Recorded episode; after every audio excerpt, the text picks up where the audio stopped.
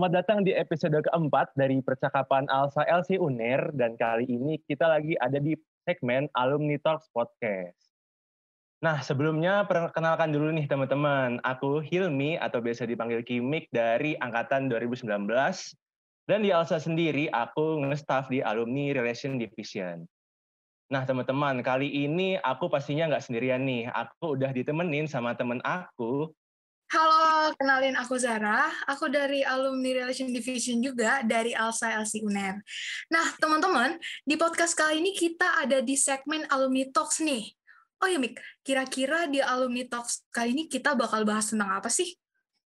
Nah, jadi gini Zah, eh, di podcast kali ini kita bakal ngebahas tema tentang life after graduate nih Zah. Nah, kalau ngomong-ngomong tentang life after graduate, Zah, uh, dari Zahra sendiri udah pernah punya bayangan belum sih uh, nanti setelah lulus kuliah nih mau punya karir yang seperti apa gitu, Zah? Um, jujur ya, Mik, kalau dari aku sendiri tuh sebenarnya udah ada bayangan sih nanti kalau mau lulus itu udah mau jadi apa gitu. Tapi tuh kadang aku bingung, Mik. Setelah aku lulus itu aku harus ngapain, terus aku harus gimana, itu aku masih belum ada bayangan sama sekali gitu loh. Kalau kamu sendiri gimana, Mik? Nah, jujur kalau aku sendiri nih, Zah, aku tuh masih bingung banget ya. Nanti tuh kuliah, uh, lulus kuliah mau uh, punya karir yang seperti apa. Karena uh, masih banyak banget juga gitu pilihannya. Ya nggak sih, Zah? Iya, benar, benar banget. Apalagi kan uh, kita tahu sendiri ya kalau fakultas hukum itu uh, pekerjaannya tuh banyak banget gitu loh, Mik. Kayak kamu bisa di sini, kamu di sini gitu-gitu. Jadi referensinya banyak banget. Bener Dan banget. mungkin itu salah satu yang bikin kita bingung nggak sih? Iya, kita ada pilihan jadi lawyer, mau jadi hakim, dan masih banyak lagi nih yang lain. Ya iya, kan? benar banget. Nah, daripada kita sama-sama kebingungan nih di sini, uh, lebih baik kita langsung nanya aja nggak sih sama yang udah berpengalaman nih? Benar-benar banget nih, boleh banget. Um, dan kali ini nih teman-teman, kita kedatangan alumni kita yang pinter dan gak kalah keren banget. Jadi beliau ini Bener sekarang banget. itu sedang bekerja loh Mik di BP Lawyers Counsel at Law. Dan beliau tuh juga merupakan salah satu Chief Executive Officer di Smart Legal Idemi. Wah, keren, keren banget, banget tuh. Keren banget sumpah. Asli, asli. Jadi deh kalau gitu langsung aja kali ya kita sapa. Halo, selamat malam Mas Bimo. Halo Mas Bimo. Uh, gimana? Sehat-sehat semua ya? Alhamdulillah. Alhamdulillah Mas. Bimo sendiri gimana nih kabarnya nih? Alhamdulillah uh, ya sehat lah. Alhamdulillah dan juga semoga uh, teman-teman yang lagi dengerin kita nih nanti di podcast ini uh, keadaannya juga sehat-sehat aja nih karena kan uh, lagi ppkm nih di tengah-tengah pandemi. Iya, bener banget nih. Um, apalagi kan kita tahu ya kalau PPKM itu di Surabaya, di Jakarta, maupun di daerah-daerah lain itu ada perpanjangan gitu kan. Wah, bener banget. Nah, kira-kira nih Mas Bimo, Zara mau nanya, gimana sih kesibukannya Mas Bimo di tengah pandemi ini? Dan kira-kira ada nggak sih Mas pengaruh besar yang ngebawa uh, dampak pandemi itu ke pekerjaan Mas Bimo gitu sekarang ini Mas? Oke, okay, good question. ya, uh, awalnya sih ya uh, tahun lalu ya bulan apa tuh, gitu Maret ya, kami tuh sempat agak khawatir juga ya kalau industri pasti akan terdampak gitu ya. Tapi ternyata tidak semengerikan yang kami kira sih karena uh, klien kami itu industrinya kan beda-beda. Buat yang bisnisnya pariwisata ya pasti langsung terhantam gitu ya. Ada salah satu uh, major klien kami di bidang pariwisata itu langsung uh, minta nego retainer fee-nya jadi setengah tapi perpanjang sampai tahun depan gitu ya. Nah, yang lainnya ternyata melihat peluang juga. Jadi yang investasi makin kenceng karena bisnisnya nggak terdampak dan mungkin jadi melihat ada opportunity gitu ya. Nah, tapi baru-baru ini nih baru aja kemarin itu lima lawyer eh, lima lawyer litigasi kantor saya itu uh, ini ya terinfeksi COVID juga. Jadi akhirnya kerjaan serabutan. Saya sampai kirim lawyer yang di kantor Malang ke Jakarta, eh dia kena juga. Jadi sekarang itu modal yang utama ini kesehatan ya.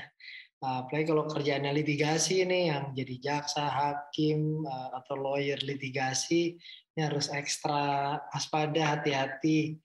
Yang udah yang udah vaksin aja masih bisa kena gitu ya, apalagi yang belum. Nah ini bener, bener jadi satu isu yang agak sensitif pada saat uh, lawyer litigasi kami itu jadi banyak yang kena COVID ini. Ini sekarang recovery baru tiga orang sembuh, uh, yang lain belum.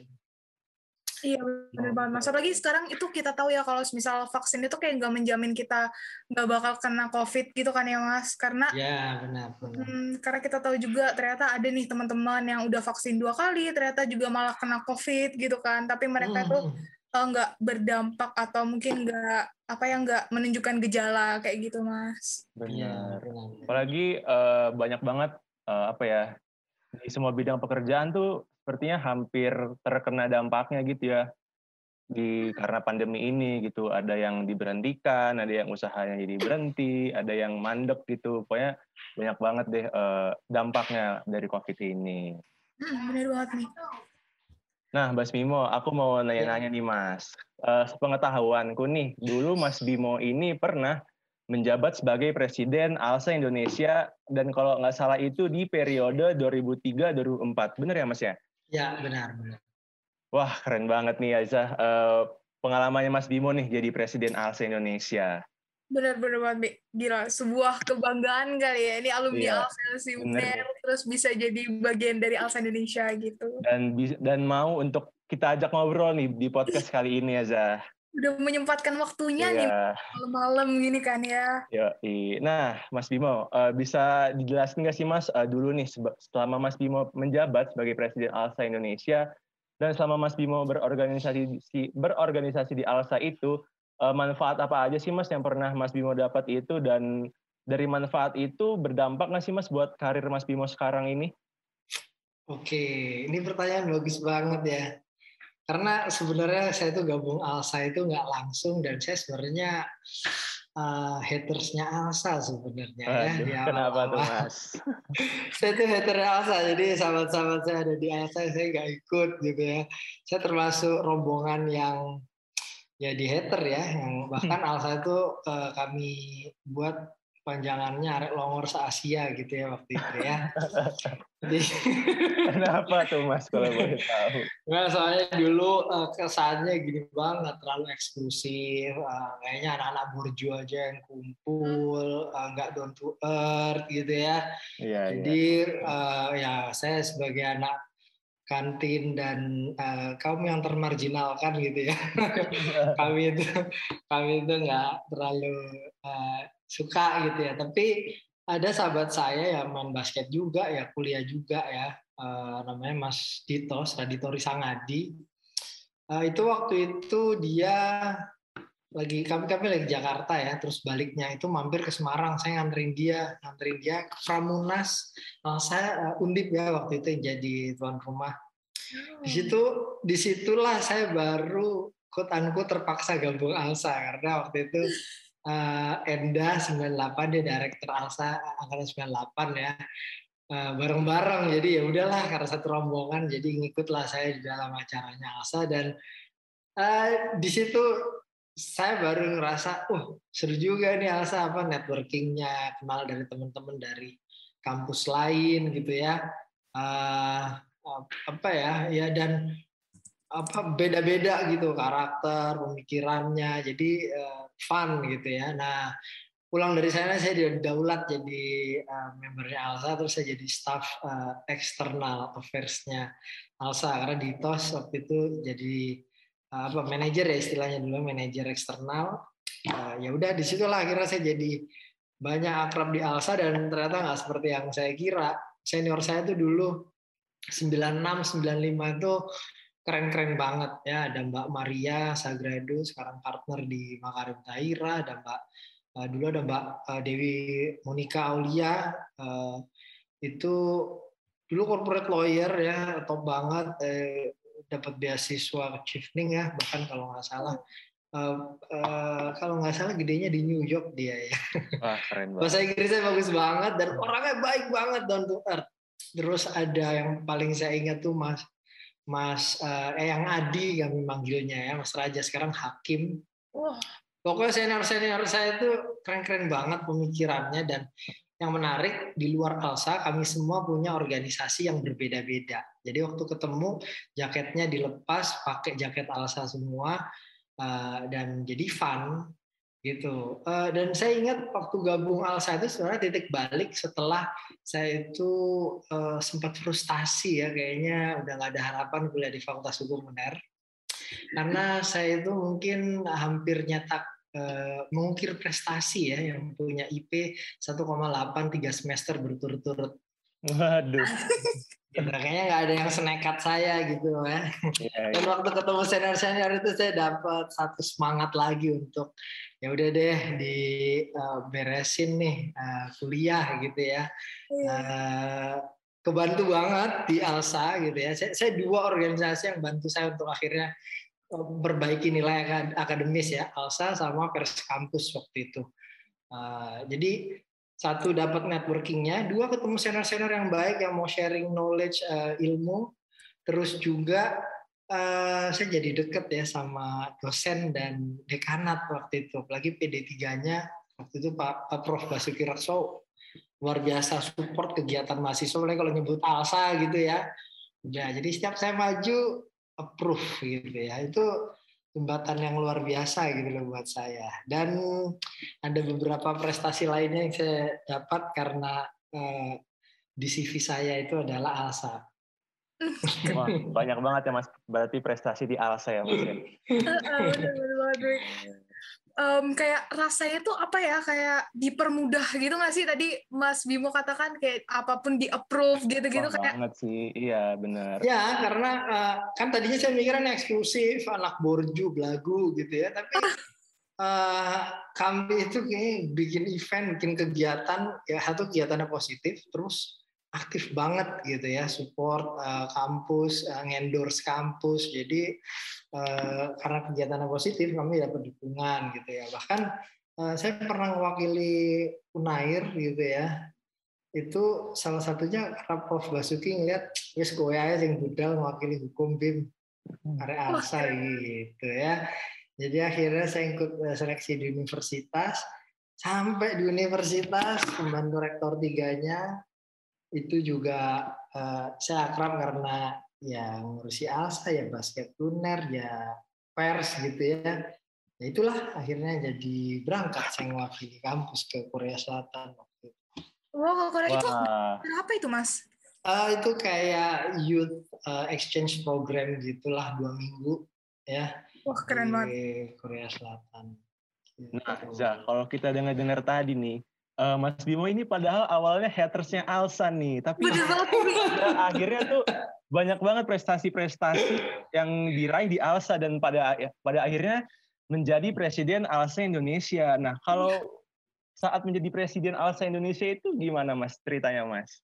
Iya itulah makanya kita kadang nggak boleh terlalu benci ya sama iya. benci secukupnya, cita secukupnya gitu ya. Nanti bisa jadi ngatain gitu.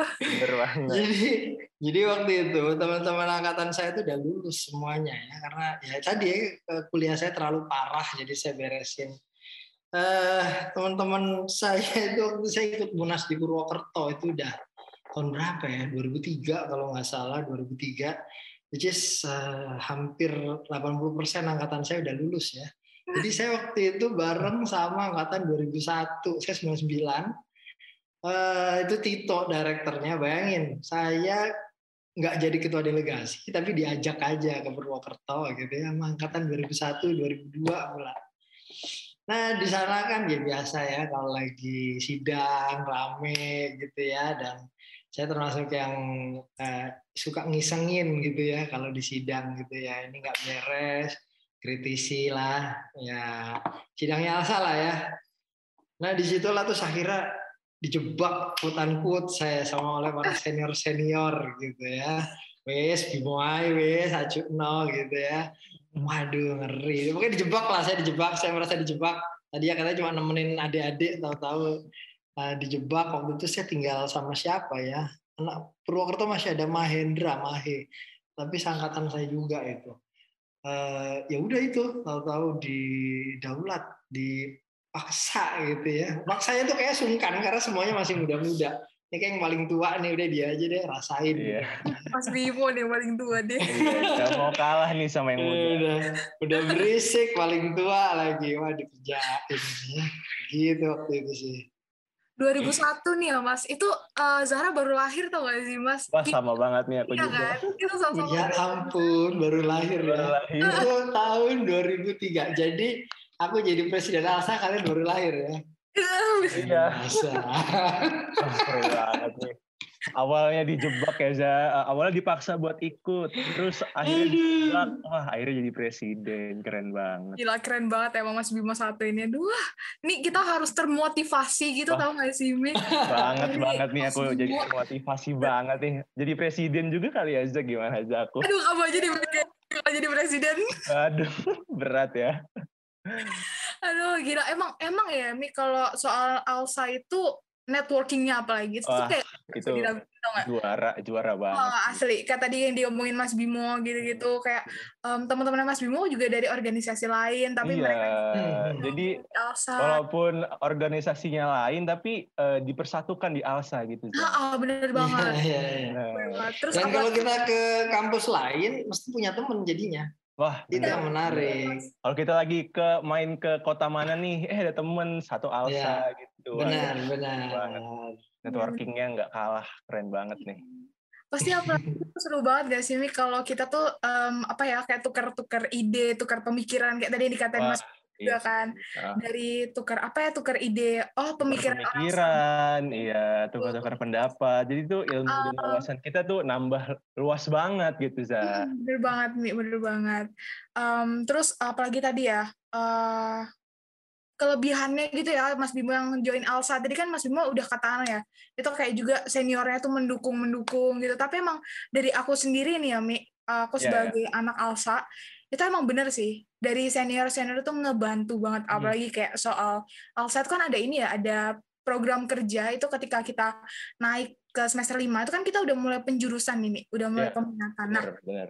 Uh, oh, bener banget. Kemarin itu kita ada fun course. Itu kan ah, iya, tuh, aku ikut tuh. bantu banget kan. Uh, yeah.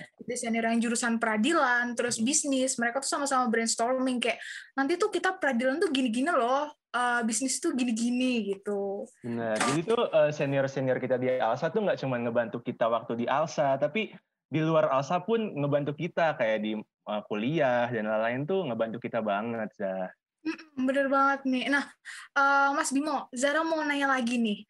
Pastikan Mas Bimo dulu selama berorganisasi di Alsa UNER maupun Alsa Indonesia itu kan apa ya ada momen-momen gitu kan Mas. Nah, kira-kira nih ya Mas, apa sih momen yang paling gak bisa Mas Bimo lupain gitu selama berorganisasi di dua itu Mas? Oh oke, okay. kalau di UNER sendiri ya, momen yang paling terkesan itu yeah. dua sih ya.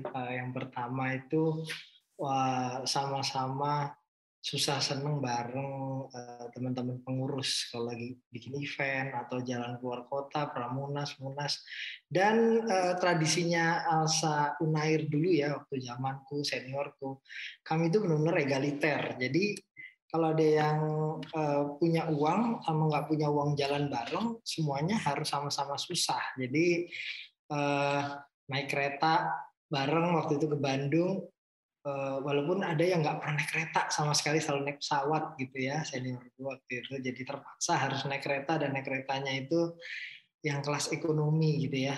Uh, buat beberapa itu uh, menakutkan ya naik hmm. kereta ekonomi itu mengerikan biasa ya, karena ya, iya kami dan kami tidurnya ada yang di bawah dengan beralaskan koran ya jadi nggak nggak yang mewah-mewah gitu yang ya ya nggak pernah agak manja-manja jadi harus mau ngerasain. Seniorku seniorku yang lebih dahsyat lagi tapi waktu zaman di tos uh, uh, yang Adi dan lain-lain itu ke Makassar naik kapal.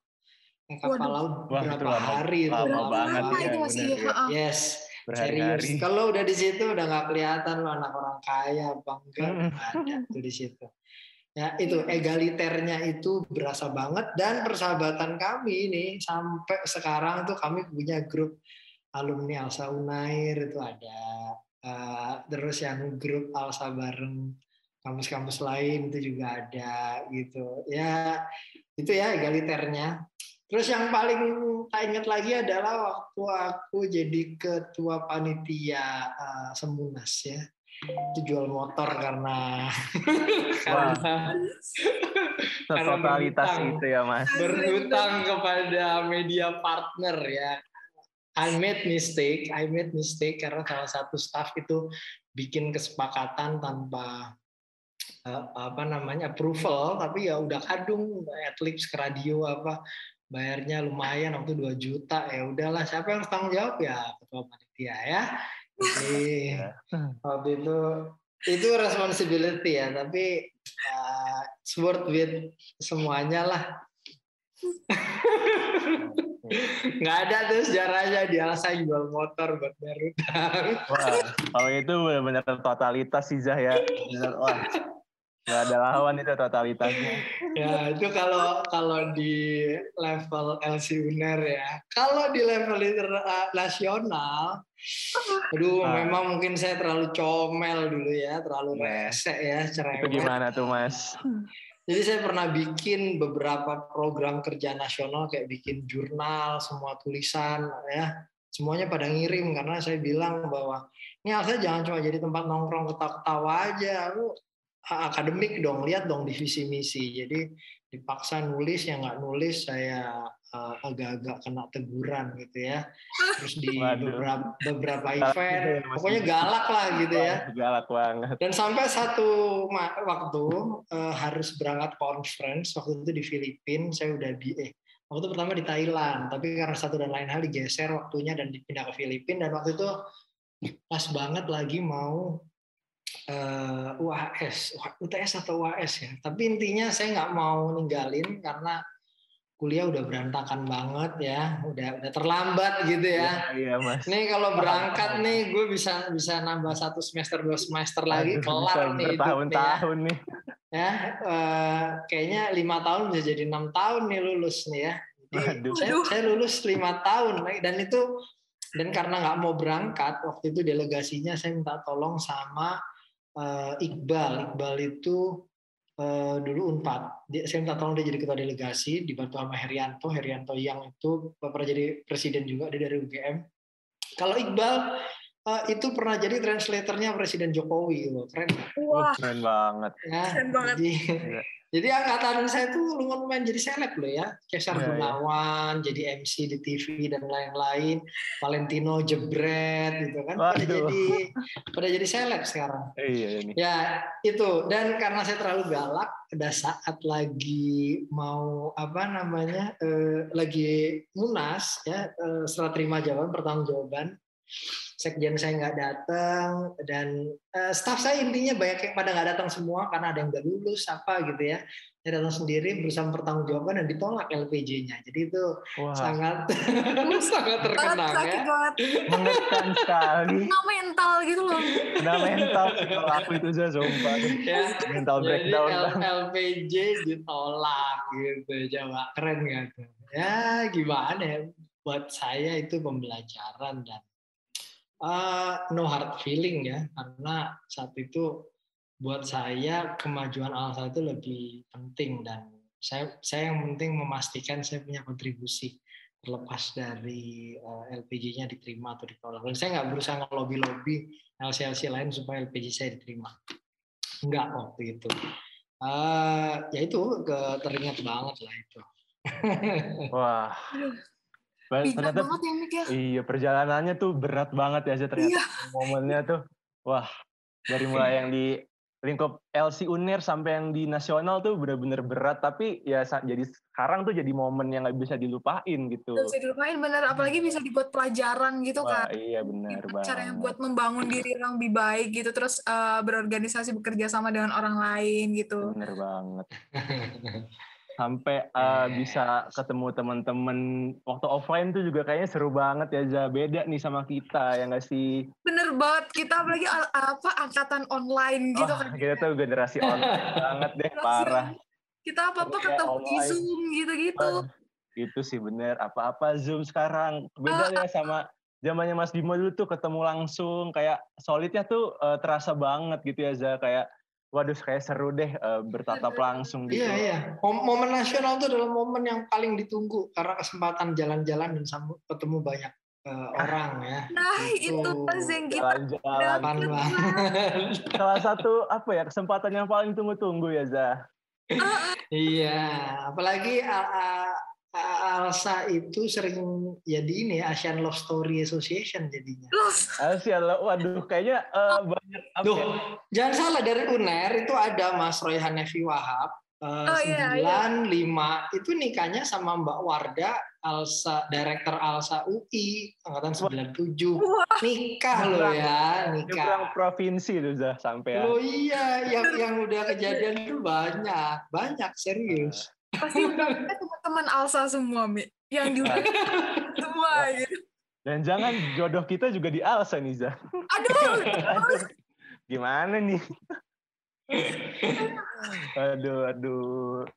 Sampai ketemu jodoh di Alsa jalan-jalan di Alsa ya Zah seru bener, banget sih. aduh. Emang bener manfaatnya gabung di Alsa itu banyak Wah. banget ya. Sampai di akademis dan di luar akademis tuh manfaatnya Alsa tuh banyak banget. Iya iya bener Wah, wah. Oke. Okay. Jadi ini pastinya um, apa namanya dari apa yang diceritain sama Mas Bimo itu kan menarik banget ya, berkesan. Banget banget menarik. Uh, uh, nah terus um, aku tuh kayak apa ya kayak kadang itu ada gitu perasaan iri, perasaan cemburu gitu lihat kating-kating yang zaman yeah. dulu itu bisa ketemu Benar. gitu kan kayak sedangkan kita bertatap hanya lewat layar. Iya, gitu hanya lewat laptop ya. seharian, nggak bisa hahihi langsung gitu ya, Zaya. Ya, tetap ya. seru sih, tapi kayak ada ada aja momen yang beda gitu ya. Bener pasti. banget. Apalagi rasanya tuh pasti beda sih, Mi. Se, hmm. se apa ya, se have fun, se have fun, have fun kita di Zoom itu pasti kayak beda aja gitu rasanya sama kayak bonding yang asli, hmm. yang ketemuan. Bener, bener banget. Apa, uh, meet in person kayak gitu-gitu. iya, bener banget. Kayak kurang aja ya Za eh, nggak uh, bisa hahahi langsung tadi ya. Iya benar benar banget, benar banget. Nah Mas Bimo, uh, tadi kan Mas Bimo udah ceritain nih ke kita mengenai kenangan-kenangan di Alsa Indo ataupun di Alsa LC Uner ya kan ya Mas ya. Tapi uh, masih ada lagi nggak sih Mas uh, suka dukanya nih selama Mas Bimo di Alsa LC Uner itu apa aja atau waktu ngejabat sebagai pres di Alsa Indo itu uh, suka dukanya itu apa aja tuh Mas kalau boleh tahu Mas? Oh iya iya, saya lupa menceritakan satu pengalaman menarik. Nah, boleh tuh mas. Jadi uh, saya itu kalau uh, oh iya waktu itu waktu waktu jadi NC ya uh, National Board, saya itu salah satu program dari turun temurun tiap tahun tidak pernah terlaksanakan waktu itu ada mengurus asal usul legalitas ALSA itu sampai mungkin empat atau lima periode nggak beres-beres. Jadi saya gemes, saya ke Jakarta waktu itu ke Diknas, Dikti gitu ya, sampai akhirnya uh, itu kok fotokopi itu dilegalisir, dapat uh, nyata bahwa Alsa itu organisasi beneran ada di bawah uh, bimbingan Diknas. Nah, jadi itu dan perjalanan kalau ke Jakarta itu macam-macam ada yang nyari sponsor, ada yang ketemu alumni untuk eh, apa namanya tukar pengalaman. Jadi yang meleverage karir saya salah satunya adalah karena mudah dengan ketemu alumni dan senior-senior dari kampus lain yang ada di Jakarta waktu itu. Jadi misalnya saya waktu itu lagi riset uh, tentang pembatalan putusan arbitrase ketemu sama senior ngasih guidance gini-gini terus ketemu temen di uh, UI dia anak 98 dapat beberapa putusan buat uh, apa namanya riset. Sebenarnya itu bukan buat Alsa ya tapi buat pers. Nah itu jadi jadi kepake gitu ya. Sampai waktu saya ke Jakarta mau jadi lawyer itu susah banget dengan 100 surat lamaran yang ditolak sama 100 law firm. Waduh, itu 100 surat lamaran. itu saya curhatnya, saya waktu itu saya alhamdulillah diterima ya kerja jadi jurnalis di hukum online. Saya curhatnya itu ke Mbak Monica waktu itu kerja di salah satu big firm lah di Jakarta. Terus ada Mbak Maria, ada Mas Dani Jauhar itu saya curhat ke mereka kok aku angel banget ya, Bang, kak pinter tapi iya aku mesti sinau apa gitu ya tapi tapi ya itu akhirnya mereka bantuin ngasih motivasi ngasih jalan ngasih rekomendasi sampai ketemu jalannya jadi uh, berorganisasi itu membuka peluang networking dan juga kita ketemu banyak orang itu uh, penting dan kita nggak bisa beli itu ya kita nggak bisa bener, beli. Bener banget. Makanya saya selalu uh, encourage kalau ada yang masih kuliah, rugi kalau nggak organisasi dan nggak aktif. Itu kata kunci yang paling penting, nggak aktif. Uh, aktif itu ukurannya adalah kita punya kontribusi, kita terlibat. Karena kalau kita kontribusi dan terlibat aktif, nantinya kita pasti akan uh, banyak belajar satu tentang interpersonal skill, belajar komunikasi ya, ketemu orang, presentasi, manage waktu, uh, mimpin tim itu nggak bisa dibeli, harus dilatih. Dan itu kepake di dunia kerja, kepake banget. Bahkan sampai saya sekarang punya kantor hukum, saya selalu instruksiin ke HRD kantor itu kalau rekrut saya nggak mau yang cuma sekedar ikut organisasi, apalagi nggak ikut ya. Tapi harus aktif. Karena apa? Saya butuh lawyer itu yang punya leadership. Harus punya leadership. Karena itu akan jadi uh, apa ya pembedanya dia. Nah itu yang uh, experience yang saya dapat dan rasanya manfaat banget gitu menarik ya mas ya um, apa namanya itu tadi pengalaman pengalamannya kayak apa uh, mem memberikan 100 lamaran kayak gitu. Wah, iya. memberikan 100 lamaran tapi tetap semangat nggak menyerah gitu ya Mas ya. Iya kayak gitu, sih, harus tapi, kita contoh banget. Ah, ah benar-benar. Ini kan uh, ada pepatah lagi bilang nih kalau banyak jalan menuju Roma gitu. Ah, itu dia, benar. Nah, terus bersakit-sakit dahulu berenang eh bersenang-senang kemudian benar nah, sih? Bener, bersakit-sakit dahulu bersenang-senang kemudian itu benar banget sih.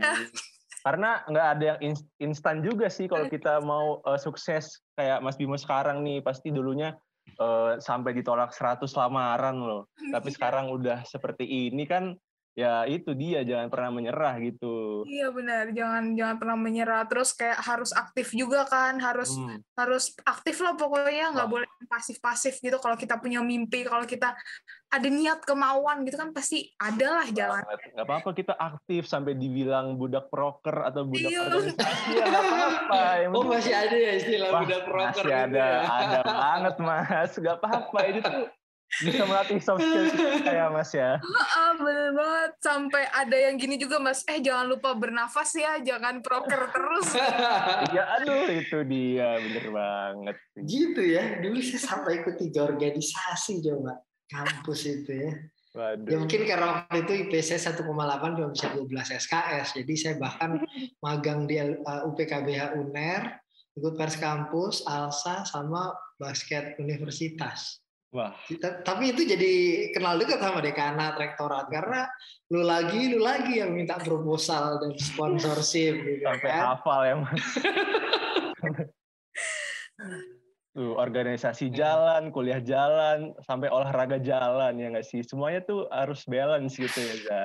Hmm, bener banget, Mi. Tapi ya itu tadi sih, Mi. Pokoknya ketika kita ada kemauan, ketika kita ingin melakukan sesuatu tuh semuanya harus dijalani dengan ikhlas, Mi.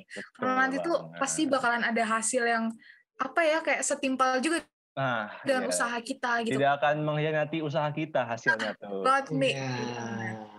Nah gini Mas Bimo, um, tadi kan Mas Bimo udah jelasin nih terkait manfaat hmm. berorganisasi sendiri itu apa um, dan dampaknya ke karir Mas Bimo itu juga kira-kira kurang lebih seperti apa gitu kan Mas. Nah sekarang tuh um, Zara penasaran Mas, gimana sih perjalanan karir Mas Bimo dari setelah hmm. awal Mas Bimo lulus kuliah, kayak tadi kan Mas Bimo juga ada cerita sempat ngaret gitu kan Mas kuliah. Nah, betul banget. Nah, tapi, lulus nih. Uh, uh, tapi Mas Bimo tuh sekarang bisa jadi orang sukses gitu yang udah nah. punya platform sendiri, udah jadi CEO kayak gitu. Itu gimana sih Mas? Um, apa namanya? Cerita okay. perjalanannya gitu.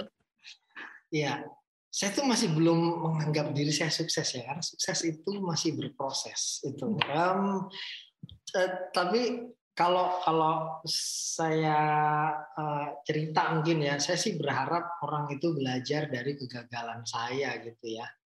Uh, jangan kalau ngeliat CV saya pasti nggak akan nggak akan nyaka gitu ya. Kalau CV saya kan mesti saya bikinnya keren uh, trainee di Makarim Taira, habis itu pindah ke Adnan Gung Nasution Partners, habis itu kerja di uh, Hanafia Punggawa, yang sekarang Denton PRP, terus bikin kantor, bikin perusahaan ini itu.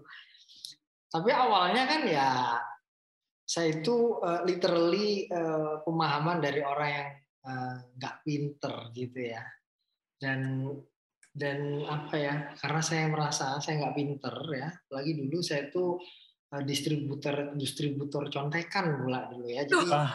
Jadi kalau yang pinter, yang pinter ngasih contekan, saya harus mendistribusikan kepada yang lain ya. Kita harus yang equality before the law gitu ya. Jadi Jadi teman-teman itu lebih lebih baik ke saya ketimbang yang pinter karena saya mau distribusi. Karena biasanya biasanya yang pinter itu jawaban ya mas. Iya yang pinter salah fokus bikin nah, jawaban. Kan ngasihnya iya. cuma ke saya. Saya nggak bisa nggak bisa dapat bagus sendirian. Harus di share nah, gitu ya.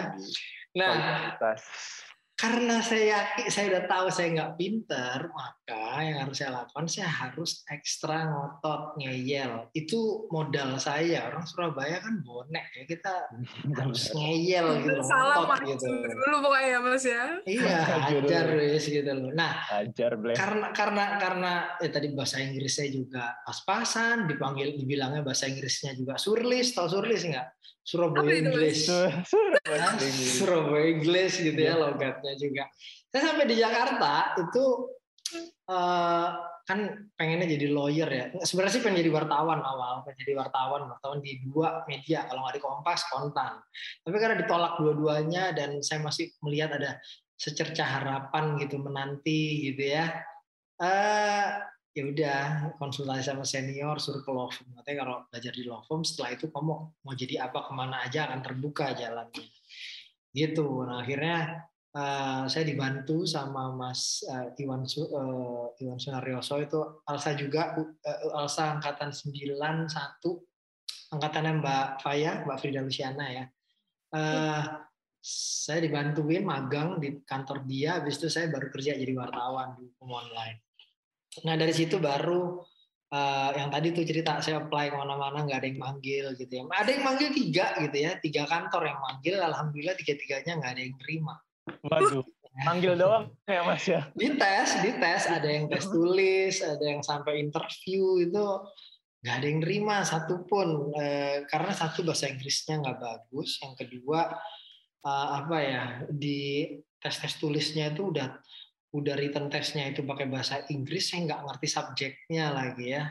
Uh, waktu itu masalah apa yang saya paling nggak paling ngerti? Masalah investasi modal asing capital market sama uh, perdatanya uh, saya lemah waktu itu masih. Jadi uh, gagal gagal gagal itu justru memberikan kesempatan saya jadi belajar gitu. Dan masuk jadi wartawan itu privilege yang luar biasa.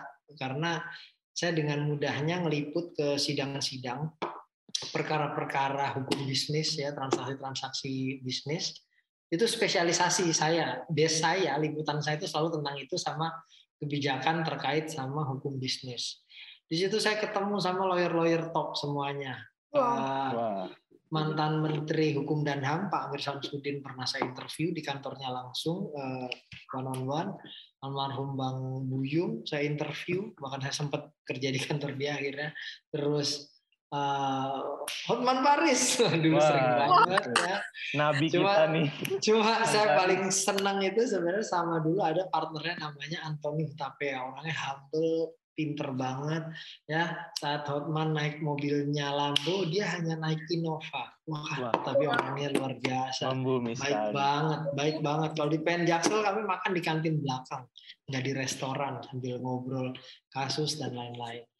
Nah, jadi wartawan tuh di situ serunya waktu itu saya jadi terkoneksi ketemu banyak orang, ketua PPATK Pak Yunus Husen itu bisa saya interview langsung. Dan uh, saya ngerasain makan enak-enak di hotel bintang 5 ya yang pasti karena liputan. Yeah. Nah, dari situ dari situ saya kenal sama partner Makarim Taira namanya Mbak Yayut. Uh, dia waktu itu managing partner di sana. Dia, dia dulu juga merupakan wartawan yang kemudian jadi lawyer. Dia kasih motivasi, kasih ini, terus uh, saya berkesempatan uh, jadi trainee di Makarim Taira waktu itu. Dari Makarim Taira uh, saya nggak nggak lolos ya, karena waktu itu dari 10 orang cuma tiga yang diambil. Uh, saya alhamdulillah malah keterima di Atan Buyung Nasution and Partners itu salah satu law firm litigasi yang keren lah pada ya. saat itu ya. ya, ya bahkan ya. bahkan Bang Buyung waktu itu sempat jadi one team press juga dewan pertimbangan presiden gitu ya.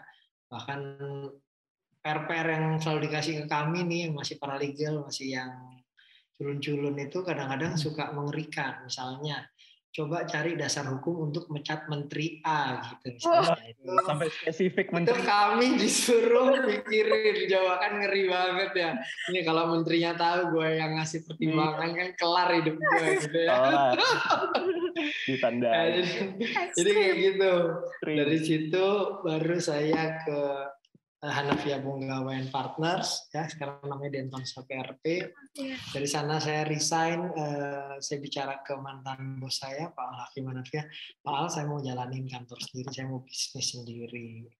Ya alhamdulillah sekarang uh, masih silaturahim masih bagus uh, karena dia jadi mentor saya juga. Beliau selalu terbuka kalau saya mau belajar diskusi atau apa pun ya ya itu karir saya berjalannya kayak begitulah gitu ya banyak penolakan-penolakan tapi itu jadi motivasi buat kita belajar jadinya ngeyel. Saya tuh belajar jadi wartawan baru berasa. Oh yang namanya kepailitan tuh gini. Oh syaratnya dua kreditur. Oh undang-undangnya bilang oh kalau PKPU itu bisa diajukan oleh kreditor. Sekarang undang baru bisa menjadi itu belajar waktu jadi wartawan sebenarnya. Jadi waktu Dan, kuliah tuh kurang ya mas ya? Ya alhamdulillah nggak pernah belajar gitu ya alhamdulillah. Karena saya kuliahnya double dulu. Oh apa aja itu mas? Oh iya. Saya kuliahnya double kuliah double sama pacaran. Oh enggak ya Nah. organisasi. Saya sampai kecapean organisasi sampai belajarnya itu parah tapi ya ya gitu nggak tahu ya kenapa ya waktu kuliah itu kayak kok nggak nggak nggak terlalu nyambung saya dapat logikanya tapi kadang saya nggak terlalu paham semua waktu jadi wartawan karena nangani apa ngikutin case baca lebih banyak dan dipaksa baca baca ngejar uh, uh, uh, narasumber itu uh, bikin saya jadi pinter ternyata. Iya. ternyata itu kalau menurutnya menurut Mbak Yani itu yang namanya pola research uh, yang harusnya mahasiswa hukum itu membiasakan diri hmm. jadi peneliti harusnya. Yeah. Nah, itu saya dapetin dengan jadi wartawan. Nggak sih mas gitu. kalau misal kita kuliah itu kayak yang diajarin tuh cuma cuman cuman teori-teorinya aja gitu kan. Terus uh, yang selebihnya itu kita pasti dapetnya dari praktek. Entah nah. itu yang tadi kata Mbak Yani kita uh, research atau kita dari magang itu mungkin kan ada experience baru yang kita dapatkan di luar dari perkuliahan itu sendiri mas. Iya iya iya. Hmm. Tapi nggak nggak salah kok. Memang tujuan S1 adalah menguasai hukum positif, memahami hukum positif. Saya waktu di Adnan Buyung dapat pelajaran berharga waktu ada junior saya angkatan 2001 itu ya si Hertanto uh, lulusan UGM itu kayak KUHP berjalan saya sampai lemes. Ini orang kok kayak ngerti semuanya ya. Wah. Itu saya kayak merasa kayak remahan rengginang gitu di kaleng kongguan ini gila nih ngerti aja nih iya nggak ada tuh pidana korporasi dengan KUHP karena gini lihat aja di bukunya Jan Rembling terus lihat di KUHP eh, apa namanya tafsirnya yang dibuat sama eh, yang polisi itu si ini dia ngomongnya kayak gini-gini Gila, anak kuliah nih pasti waktu waktu di kampus nih kuliah nih serius sih belajar nih anak Beda nih sama ya, nih. Ngeri banget gitu ya. Dan gara-gara gara-gara anak itu karena dia teorinya kuat, teori ya, dia nggak paham praktek kan, dia teorinya kuat banget. Itu bantu waktu lagi nganalisis kasus.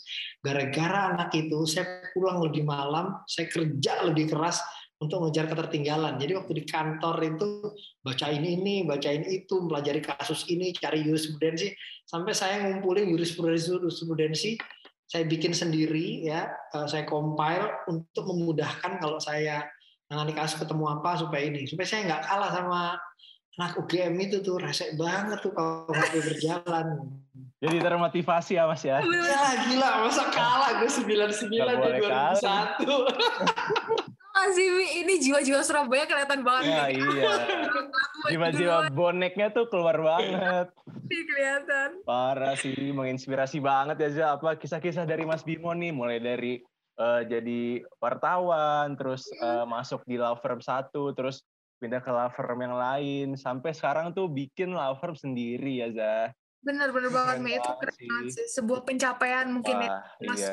Bimo. Keren. Jadi berarti itu Mas Bimo uh, dari pindah dari law firm satu ke law firm yang lain itu jadi pelajaran banget berarti sampai Mas Bimo ini bisa mendirikan law firm sendiri saat ini ya Mas ya. Ya, ya itu kesempatan kita explore sih. Uh, ada ada pilihannya ya. Ada dulu partner saya di uh, Denton SAPRP Hanafia Ponggawa itu Pak Ebin, Pak Andre, uh, semuanya itu nggak pernah kerja di law firm lain. Dia kerja di satu law firm dari paralegal sampai jadi owner, jadi equity partner. Wow. Itu cuma cuma di satu law firm. Kalau saya mungkin karena pengen mengeksplor wah, di dunia litigasi udah kayaknya kerja di law firm asing ataupun yang exposure-nya nangani banyak klien asing belum ngerasain jadi ya Ya. Saya tapi nggak pernah pengen kerja di company ya, hanya ingin di law firm gitu. Karena target saya adalah mendirikan law firm sendiri gitu. Nah, itu pilihan, itu pilihan. Tercapai, Mas. Dan saat ini sudah tercapai ya, Zaya. Iya, benar banget, Me. Ya ampun, keren Nah, banget. dari kisah-kisahnya Mas Bimo tadi tuh, aku sekarang langsung nih, Zaya, di otakku tuh, wah, aku harus punya pandangan nih sekarang. Uh, nanti tuh aku setelah lulus kuliah tuh mau jadi apa, mau ngapain tuh aku udah harus punya pandangan banget sih Zah, sumpah harus tertata gitu hidupnya. Kalau dari Zahra gimana Zah? Kalau aku juga aduh, aku kayak jadi terpacu tuh gak sih Mik? Bener. Kayak wah asli, aku harus bener-bener nih walaupun aku kayak tadi di awal aku bilang aku udah tahu nih aku mau jadi apa nanti ketika lulus kan. Tapi yeah. lah dapat sight dari Mas Bimo, dapat up and down-nya itu kayak hmm. aku sadar sih kalau misal uh, nanti ketika lulus itu dunia tuh tidak sebaik itu sama kita, Mi. Dunia itu keras banget, keras banget so. Aduh iya keras banget, Mi. Persaingannya tuh waduh nggak boleh nggak bisa lembek kita tuh nanti nggak bisa harus keras. Aku harus ngeluarin jiwa Surabayaku sih oh, harus banget. Aduh. Nah um, yes. gimana nih Mi? Kalau um, dari kamu sendiri juga uh, apa sih yang kamu dapetin site yang paling suka dari Mas Bimo itu? Wah, kalau aku sendiri sih jiwa pantang menyerahnya Mas Bimo ini sih Za. Dan uh, nggak mau apa ya capek-capek untuk explore gitu. Kita tuh harus mencoba uh, di sini, di tempat A, di tempat B, di tempat C itu kita harus bener-bener ngerasain pengalamannya gitu. Jadi uh, dan kita itu nggak boleh takut untuk gagal gitu. Kalau dari pengalaman-pengalaman Mas Bimo yang udah kita denger nih bahwa Benar. kita itu nggak boleh takut gagal. Kegagalan tuh ya biasa aja itu tuh bagian pengalaman dari hidup kita gitu. Kalau kita nggak mau gagal ya gimana kita mau menemui kesuksesan gitu. Ya nggak sih Zah? Benar-benar banget nih. Uh, kayak apa ya kayak harus dijajahin satu-satu biar gitu, pengalaman ya. hidup itu juga ada gitu kan. Bener banget. Nah kira-kira nih Mi, kamu kepo nggak sih sama life purpose ya Mas Bimo ini sendiri itu? Wah kepo banget sih Zal. Apalagi buat hidup kita nih yang masih, iya. aduh masih piik banget nih kalau dibandingin sama Mas Bimo tanyain aja kali ya Mi ya. Apa sih tips and trick buat nentuin life purpose ya Mas Bimo gitu Mas? Wah itu sih aku pengen tahu banget. Gimana uh, Mas? oke. Okay. boleh boleh banget oke okay. uh, eh, ini menarik banget karena kalau dulu saya tuh kan nggak pernah kepikiran ya apalagi sampai jadi lawyer uh, bisnis gitu pengusaha gitu. Saya tuh dulu ya benar waktu ketemu Mas Aryo dulu tuh wartawan Kompas senior angkatan 95 saya tuh cuma kepengen kayak dia jadi wartawan. Uh, pokoknya hidup yang lebih bebas jiwa yang ini gitu ya explore. Uh, karena jadi wartawan tuh punya privilege dapat informasi itu lebih dulu daripada orang lain. Dan informasi itu mahal ya. Yeah. itu dulu yang yang memotivasi saya ke Jakarta untuk ngejar kompas atau kontan dulu. Uh, setelah gagal terus sempat belajar di hukum online, saya, nemu, saya ngelihat banyak bahkan anggota DPR ya kalau di Komisi 2, kalau sekarang Komisi 3, Komisi Hukum, itu banyak yang backgroundnya lawyer. Yeah.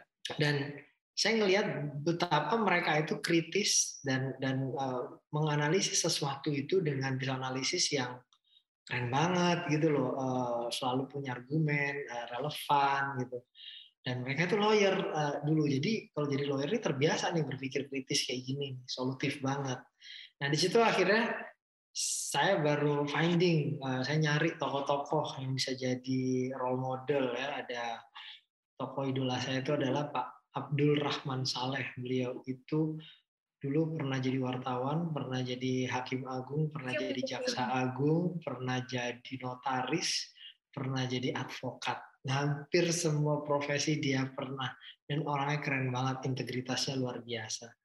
Uh, terus ada bang Hari Ponto itu juga gitu uh, dulu wartawan terus jadi lawyer gitu ya. Uh, jadi saya ngeliat oh ini emang karir petnya nih kayak begini nih. Dan ketika saya udah jalanin dan waktu mau begitu buka kantor, saya baru menyadari bahwa harusnya kita ini punya setting goal yang kita ini pengen nanti kalau mati itu ingin diingat sebagai apa, karena apanya gitu ya. Kita harus iya. ninggalin legacy. Nah, legacy ya. ini yang penting kalau di Islam itu yang namanya amal jariah kalau itu uh, jadi ilmu yang bermanfaat gitu ya dan jadi advokat itu salah satu cara untuk bisa berinvestasi akhirat kalau menurut saya ya karena uh, jadi lawyer itu punya kesempatan dan keistimewaan untuk memiliki kontribusi bantu orang ngasih solusi bahkan di circle terdekat aja hal-hal sehari-hari yang terkait hukum itu kita bisa bantuin dan bisa bantuin banyak orang itu membuat kita bahagia. Coba kalian tes saja orang lagi lapar kalian traktir melihat dia bisa kenyang dan senyum itu membuat kita bahagia. Jadi rumusnya biar kita makin bahagia gimana? Ya kita harus bermanfaat. Nah, mau jadi apa pun kalau ujungnya adalah jadi manfaat dan bisa ngasih legacy, itu nggak masalah. Banyak teman saya lulusan uh, fakultas hukum yang sekarang tidak bekerja di profesi hukum, tapi keren banget yang dikerjain gitu ya. Kayak Mas Ditos misalnya, teman seangkatan saya, sekarang dia nggak kerja di bidang hukum, mungkin dia kan dia nggak tahu bedanya perdata sama pidana, kadang dia nggak paham. Yang dia tahu perdana SIM card gitu ya. Tapi dia punya sumbangsi luar biasa uh, di dalam BUMN di mana dia bekerja gitu. Ada juga yang punya kontribusi lain sebagai researcher, sebagai PR ya uh, ataupun sebagai jurnalis, reporter. Tapi mereka udah tahu bahwa hidup itu harus bermanfaat. Nah, cara kita bermanfaat lewat jalur mana itu sudah kalian yang uh, bisa tentukan. Kalau cara yang saya selalu ajarkan ke junior-junior saya, teman-teman saya itu adalah kita pengen jadi apa itu uh, kalau kriterianya udah terpenuhi, kita mapping, kita mapping bikin pemetaannya ya. Kalau pakai mind map itu lebih gampang ya. Pakai mind map tuh.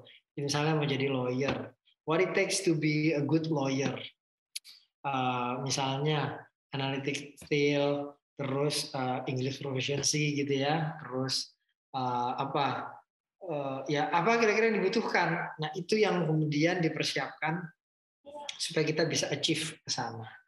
Sama untuk profesi lainnya, yang penting kita udah nyetain dari sekarang. Jadi saya nggak berharap kalian itu telat karirnya kayak saya gitu ya. Saya dulu ikut eh, masuk UNER tuh tahun kedua ya. UMPTN tahun kedua. Tahun 98 oh. gagal tahun keduanya baru keterima. Ya karena saya masuknya telat lulusnya nggak mau buru-buru ya. Lima tahun baru lulus gitu. Nah saya nggak kepengen kalian kayak gitu. Jadi uh, you need to prepare. So please be prepared jadi uh, apa yang harus disiapin ya dari sekarang di mapping. Jangan baru lulus terus mikir gue mau ngapain ya ada apa aja di apply.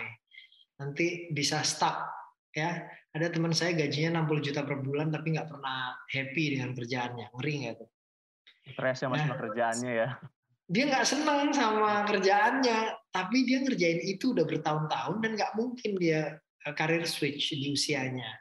Ya, ya. gitu. Jadi uh, dia punya cicilan dia punya keluarga gitu ya ya udah uh, ya udah deh gue terima aja deh gue makan aja deh yang penting yang penting uh, bisa hidup survival gitu.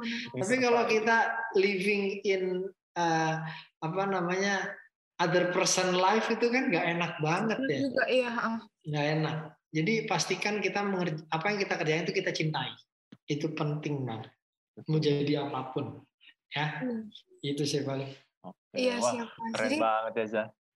Sangat menginspirasi nih. Dan kita tuh apa ya harus punya kontribusi buat orang-orang uh, terdekat deh seenggaknya supaya tuh orang terdekat itu uh, senang dan karena raha, ra, uh, rasa kesenangan dari orang tersebut jadi balik lagi energinya ke kita jadi uh, bisa kayak apa yang menarik gitu kan yang nah, jadi dia. interesting buat bergaul bersama Dan mereka sampai kita nih punya uh, karir yang telat nih ya kita tuh harus wah gercep deh pokoknya nanti. Iya benar-benar banget. Ini sih aku dari Mas Bimo yang suka tadi terkait tips and triknya itu uh, nentuin life purpose itu buat mind mapping. Jadi kurang lebih itu yang juga diajarin sama guru SD ku. Buat lama banget tuh. SD. Guru SD-nya udah visioner banget, parah. Iya bener, guru SD ku udah visioner banget. Tapi emang guru SD ku dulu selalu kayak bilang, um, kalian kalau pengen punya mimpi-mimpi yang tinggi gitu-gitu tuh harus nentuin mind mapping gitu kan. Kalau bisa kalian tuh juga bikin mind mapping kalian tuh sekreatif mungkin. Kalau misal kalian emang nggak bisa jenis bentuk yang kayak cuman kotak-kotak terus berakar gitu bikin aja yang kayak bentuk pohon atau kayak yes, apa pohon. yes. hmm, gitu, benar, benar. sesuka kalian gitu-gitu. Benar benar. Template-nya banyak kok di Google. Iya. Iya nih habis ini aku langsung buka nih kayaknya. Langsung aku bikin gitu man mapping bukanya nih buat nanti masa depanku. Uh, uh, uh. gimana nih Wi? Um, apa ya kesan kesan pesan Mas Bimo ah. nih. Kita kan ini sih Mas, udah ngobrol lumayan banyak nih. Udah hampir sejam nih Mas nah. kita. Nah, iya, dan iya. nggak kerasa Mas, kita tuh ternyata udah ada di sesi akhir podcast kita kali iya. ini. Iya. Sayang banget nih. Padahal seru banget ngomong sama Wah, Mas. seru banget sampai nggak kerasa ternyata. Iya, Wah, iya bener banget. Satu, satu jam sendiri nih. Iya.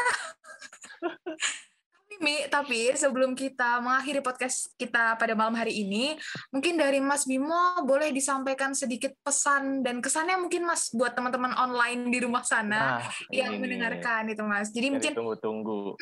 biar mereka tuh apa ya kayak semangat gitu loh Mas. Ya betul. Silakan okay. Mas Bimo. Siap. Ya, ini pesan dari guru saya ada dua hal yang saya ingat nih. Sukses berpola, gagal berpola. Jadi kita harus finding polanya itu. Uh, gimana cara menemukan polanya? Ikuti pola gagalnya orang, terus kita belajar untuk menghindari. Gimana cara suksesnya orang? Ikutin caranya. Jadi uh, tadi kalau artinya saya gagal di poin-poin itu gitu ya, kan harus belajar jangan masuk ke lubang yang sama. Belajar dari pengalaman orang lain itu bukan berarti harus menjalani kegagalan yang sama ya. Dan kalian harus eh, mulai dari sekarang uh, usun strategi suksesnya. Jangan nunggu nanti sayang waktunya. Gitu. Terus yang kedua, ini yang pesan yang sampai hari ini selalu saya berusaha amalkan. Setiap harinya orang itu harus uh, apa ya bertumbuh dan berbagi. Jadi kalau hari ini kita nggak bertumbuh, kita harus berbagi kalau kita nggak bisa nggak nggak sempat berbagi kita harus merasakan bertumbuh. Jadi itu harus minimal. Tapi yang ideal dua-duanya dilakukan. Misalnya hari ini saya saya tuh kalau diminta ngisi acara ya uh, saya selalu semangat untuk mengiyakan sepanjang jadwalnya sesuai. Karena ini kesempatan buat saya mengamalkan itu tadi bertumbuh dan berbagi. Jadi karena kadang kita ini merasa nggak bertumbuh jadi tugasnya harus berbagi dulu. Karena kalau udah kita berbagi, nanti Tuhan itu akan ngasih jalan buat kita jadi tumbuh. Nah itu uh, pesan guru saya yang saya selalu bagikan ke yang lainnya. Gitu. Uh, saat kalian sudah terbiasa, ya karakter kalian terbentuk untuk tiap hari saya harus tumbuh dan berbagi, ya itu nanti jadi habit. Kalau jadi habit itu akan jadi culture, jadi budaya. Dan pada saat dalam satu fase kalian menjadi leader, kalian akan membawa hal yang sama ke tim kalian, ke kolega kalian, dan mereka jadi punya spirit yang sama. Sampai di kantor kami punya satu value namanya generosity. Itu di kantor value generosity ini kami uh, terapkan di berbagai hal. Bukan value generosity artinya kita tiap hari harus donasi uang gitu ya, tapi banyak hal gitu. Banyak hal yang bisa dilakukan, misalnya sharing experience, sharing knowledge, ya, uh, apa namanya, sampai sekarang kami itu membiasakan semua sosmed kita harus punya edukasinya, harus punya manfaat. Ya, satu tahun terakhir saya akhirnya aktif di sosmed di Instagram sama di web itu fokus untuk membagikan ilmu. Sebenarnya tujuannya bukan buat orang lain. Saya egois kok. Saya pengen belajar, saya pengen tumbuh. Jadi caranya saya tumbuh saya harus berbagi. Nah kalau kita makin banyak nulis, makin banyak eh, sharing ya, itu kan jadi makin nyiapin diri, belajar dan lain-lain supaya apa relevan yang disampaikan akurat nggak salah gitu ya. ya. saya bikin smart legal dan bikin klik legal itu tujuannya supaya bisa belajar explore lebih banyak lagi. Jadi kerjaan saya sekarang riset, nulis, analisis, gitu, gitu terus. Ya, walaupun uh, kalau lagi lawyer-lawyer nggak ada ya terpaksa saya handle kasus lagi sekarang gitu ya atau nge-review agreement lagi gitu ya. Tapi sekarang saya lebih uh, banyak pengen di tataran strategis untuk membagikan experience knowledge. Ya itu, semoga bisa bermanfaat ya. Wah itu dia Zah. Uh, pesan-pesan buat kita nih uh, para teman-teman mahasiswa generasi online Zah bahwa uh, kita itu uh, pertama nih kita harus menyusun strategi untuk kesuksesan kita dan uh, kita itu harus meminimalisir kemungkinan kita untuk gagal ya nggak sih Zah? benar-benar. Pokoknya apa ya, uh, minimalisir terus do your best gitu ah, Mi. Aku suka sih Mi sama tadi pesannya Mas Bimo yang bertumbuh dan berbagi. Ah, itu. Nah, ya karena kita tuh sebagai living things itu juga harus apa ya harus uh, secara nggak langsung agar kita dapat bertahan hidup kan kita pasti harus sharing ya dan nah. sharing is caring ya nggak sih? Ah itu dia betul karena kita tuh butuh banget apa ya teman gitu loh. Iya benar. Gak boleh sendiri nggak boleh egois gitu ya. Uh, uh, um, apa ya Mi? Kamu udah belum atau kamu ada pesan dan kesan gitu dari selama percakapan kita bareng Mas Bimo gini? Wah. Atau apa sih kira-kira pesan yang kamu suka gitu? Kalau aku sih jujur semuanya sih Zah dari awal sampai akhir nih Zah tuh aku tuh suka banget dari mulai pengalaman, pengalaman terus sampai susah senengnya sampai tadi nih terutama pesan-pesan buat kita nih yang terakhir tuh aku sebenarnya suka semua sih Zah bingung kalau disuruh pilih satu Zah. Iya sama sih Bi. Oh. Emang emang menarik banget ya pembicaraan kita kali ini bareng Mas Bimo. Oh, banget banget sih. Emang nggak ya? salah orang. Nggak salah nih kita nih. Salah. Nah uh, karena kita udah ada di akhir sesi podcast nih Zah, sayang banget ya Zah. Iya, Dan sebelumnya aku juga mau ngucapin makasih banyak banget nih buat Mas Bimo karena udah ngeluangin waktunya buat ngobrol sama kita dan juga bagi-bagi ilmu nih yang bener-bener sangat berharga buat kita nih. Aku mau ngucapin makasih banyak banget ya Mas. Iya, terima kasih sama, banyak Mas Bimo. Oh, dengan senang hati. Alhamdulillah. Nah, uh, karena kita udah berada di uh, sesi akhir podcast kali ini, aku juga mau ng ngucapin terima kasih banyak banget nih buat teman-teman yang udah dengerin podcast kita kali ini Niza. Iya, benar banget. Terima kasih ya teman-teman okay. yang sudah mendengarkan. Pokoknya terima kasih buat teman-teman dan sampai jumpa lagi di episode selanjutnya. Iya, see you. See you teman-teman.